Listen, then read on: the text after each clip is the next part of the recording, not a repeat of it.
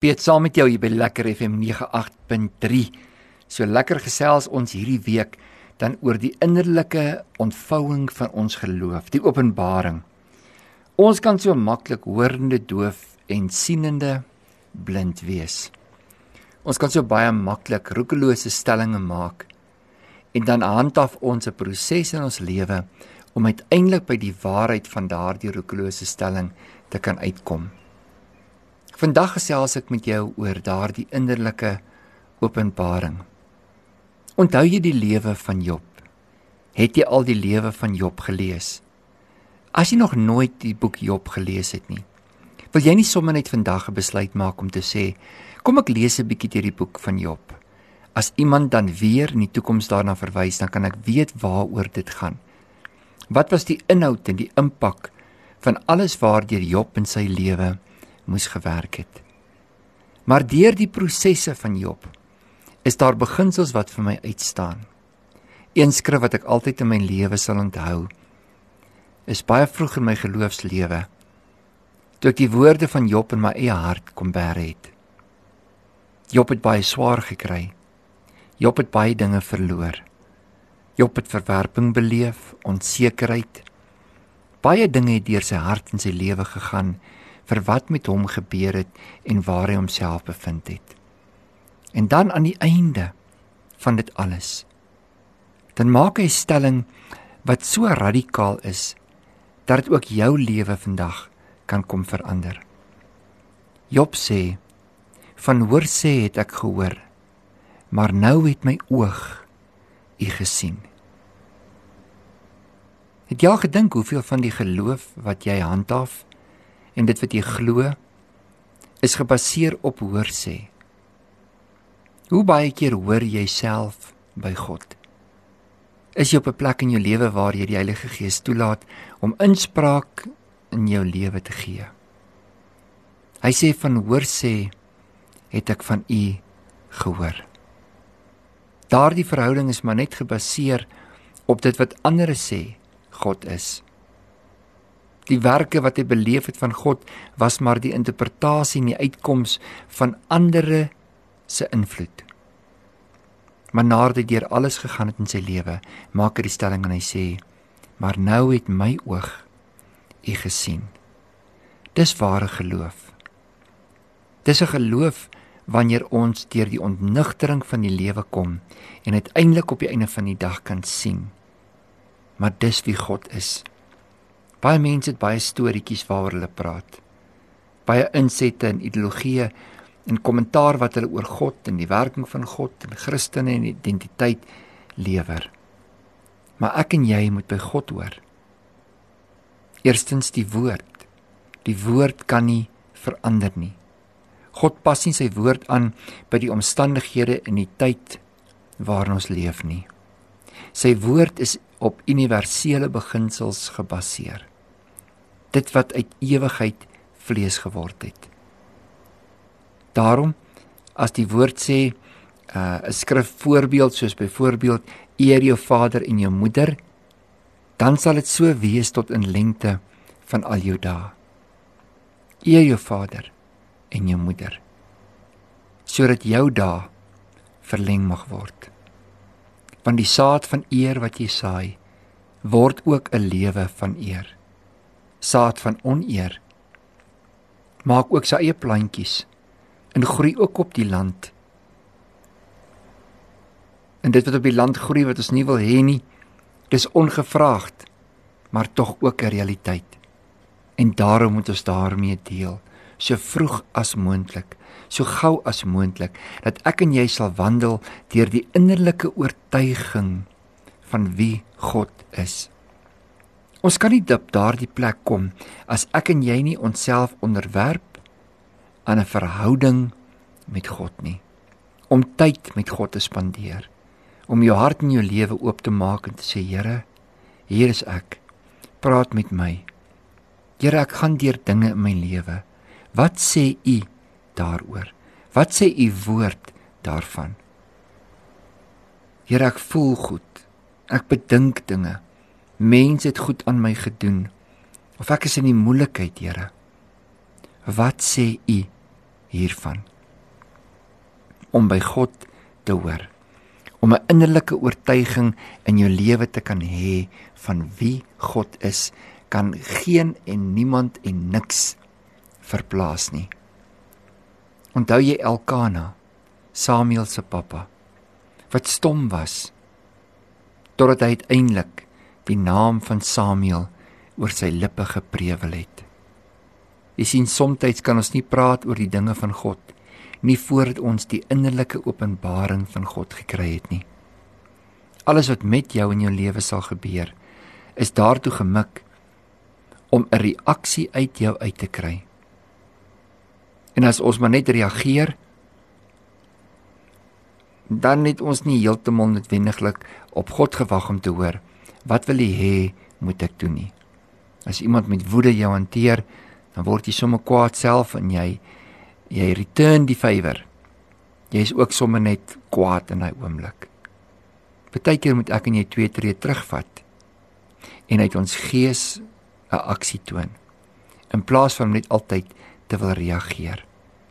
Here, wat sê U vir my? In dit wat hier gebeur, wat wil U in my laat plaasvind, Vader? Sit die woorde in my mond. Al verstaan ek nie, al sien ek nie, al weet ek nie. Here, sit U woorde in my mond. Onthou jy vir Paulus op sy reis na Damaskus waar hy blind geword het. Ja, die geloofsleraar, die godsdienstige leier van die tyd. Vir 'n oomblik moet hy vir vir Christus vra in sy openbaring: Wie is U? Wie is U? Here, wie is U in my pyn? Wie is U in my teleurstelling? Wie is U wanneer niks saak maak nie? Wie is U in my Here wanneer alles so deurmekaar ewe skielik raak? Wie is U wanneer ek moedeloos is? Wie is U wanneer ek beklaanswaardig voel? Here, wie is U in my wanneer ek soos 'n niks werd voel nie? Wanneer ek droog gemaak het of Here, wanneer ek hulpbehoevend my hande opsteek en sê net U kan my help. Wie is U in my? Openbaar U self in hierdie oomblik in my lewe, Vader. Geef vir my die verligte oë van verstand dat ek U kan sien. Dat ek nie net op hoor sê vir hy sal lewe en in hierdie lewe maar net sal aangaan nie maar dat my oog u kan sien dat my oog u binne in my kan sien. Dat ek u kan sien in die pyn. Dat ek u kan sien in my verlede in my hede in my toekoms. Dat ek u kan sien in my vrese my onsekerhede. Here openbaar die liefde in my nou sodat die volheid van dit wat U vir my instoor het my sal val. In die innerlike openbaring waardeur Paulus gegaan het, het hy sy sig teruggekry. Maar toe sy oë weer oopgaan, was hy nie meer sienende blind nie. Hy kon hom sien. Hy kon die lewe sien. Hy kon Christus ook om hom erken. Eksodus 4 vers 11 daardie gedeelte 'n gesprek tussen Moses en God. En die Here antwoord hom wie het vir die mens die mond gemaak? Of wie maak stom of doof? Of siende of blind? Is dit nie ek die Here nie? Jy sien is hier waar ek en jy maar ons menslike verwysingsraamwerk het van jy weet God moet net alles vir my doen sodat ek ehm um, happy go lucky deur die lewe kan gaan. Alles moet net altyd goed gaan met my. My geloof moet nie getoets word nie. My liefde moet nie getoets word nie. My vrede moet nie getoets word nie. My karakter moet nie getoets word nie. My reinheid moet nie getoets word nie. Nee, ek wil maar net gemaklik deur die lewe gaan. Wie is Christ, Christus in jou? Daardie innerlike geloof wat jy het, word getoets wanneer dinge tot daar aan die binnekant kom waar dit saak maak. Ag ek raak baie keer so vies as mense altyd oor die kerk praat en sê ja nee, 'n mens kry net seer in die kerk of die kerk stel jou net te leer. En dieselfde persoon wat daardie stelling maak, het ook maar hulle eie wrakke in die lewe van hulle menslikheid en gevolge van hulle eie teleurstellings wat hulle oor mense se lewens gebring het. Sien net kerke wat mense seermaak nie. Dis die mense in die kerke. Ek het baie keer as 'n kind het ek fiets gery en ek het seer gekry. Ek het al baie hard van 'n fiets afgeval en ek het elke keer maar weer opgeklim en nie die fiets blameer om nooit weer fiets te ry nie. Ek het af van 'n perd afgeval, opgeklim en weer gery. Ek is al verwerp, vergewe en weer leer liefkry. Ek het alself foute gemaak, om genade gevra, vergifnis gekry en aangegaan in my lewe. sien daardie ding is maar net toetse dat ek en jy kan vorentoe gaan, dat ons kan aangaan saam met God. Dat ons nie sal terugtreë in ons geloof nie, maar dat ons in ons geloof innerlik versterk sal word. Die pad wat Israel 40 jaar met hulle voete geloop het, was eintlik maar die gevolg van wat in hulle gebeur het. Hulle het 'n pad van weerstandigheid geloop, 'n pad van opstandigheid, 'n pad wat die heeltyd met rebellie gesaai was. En dit is nie asof die omgewing dit vir hulle gegee het nie. Nee, nee. Dit het uit hulle uit gekom. Die lewe gee vir ons die geleentheid om dit te wys wat in ons is.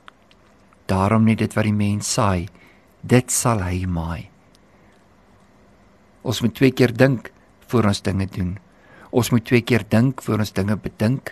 Twee keer dink voor ons dinge aanpak in ons lewe en somme maar net roekelose handelinge en stellings maak in ons lewe.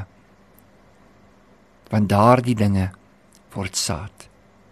As die wiel gedraai het, dan val daardie dinge wat ek hier onder op die wiel gesaai het op my kop. As ek van die goeie van die land wil eet, moet ek goeie op die land saai. As ek vrug wil eet wat opbouend is, dan moet dit ook die woorde en die gedagtes wees wat ek in my eie lewe koester en handhaaf. Ek kan nie meer verwag as wat ek as mens nie bereid is om te gee nie. Het jy al iemand probeer help wat nie gehelp wil word nie of wat nie hulle self wil help nie? Dis 'n bodemlose put. Maak nie saak wat jy kan doen nie en maak nie saak waartoe jy in staat is nie. Op die ouene van die dag moet daardie persoon vir wie jy wil help, gehelp wil word. As hulle self hulle hand opsteek en sê ek is gereed, ek gee my samewerking, ek sal die pad loop. Dan kan daar 'n innerlike verandering plaasvind sodat daar 'n uiterlike gevolg in so 'n persoon se lewe kan wees.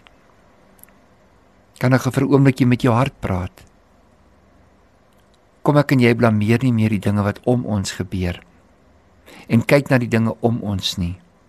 Maar kyk daar waar God homself openbaar, daar waar hy praat aan die innerlike man en innerlike vrou. Dat jy in jou eie hart die waarheid en die lewe sal vind.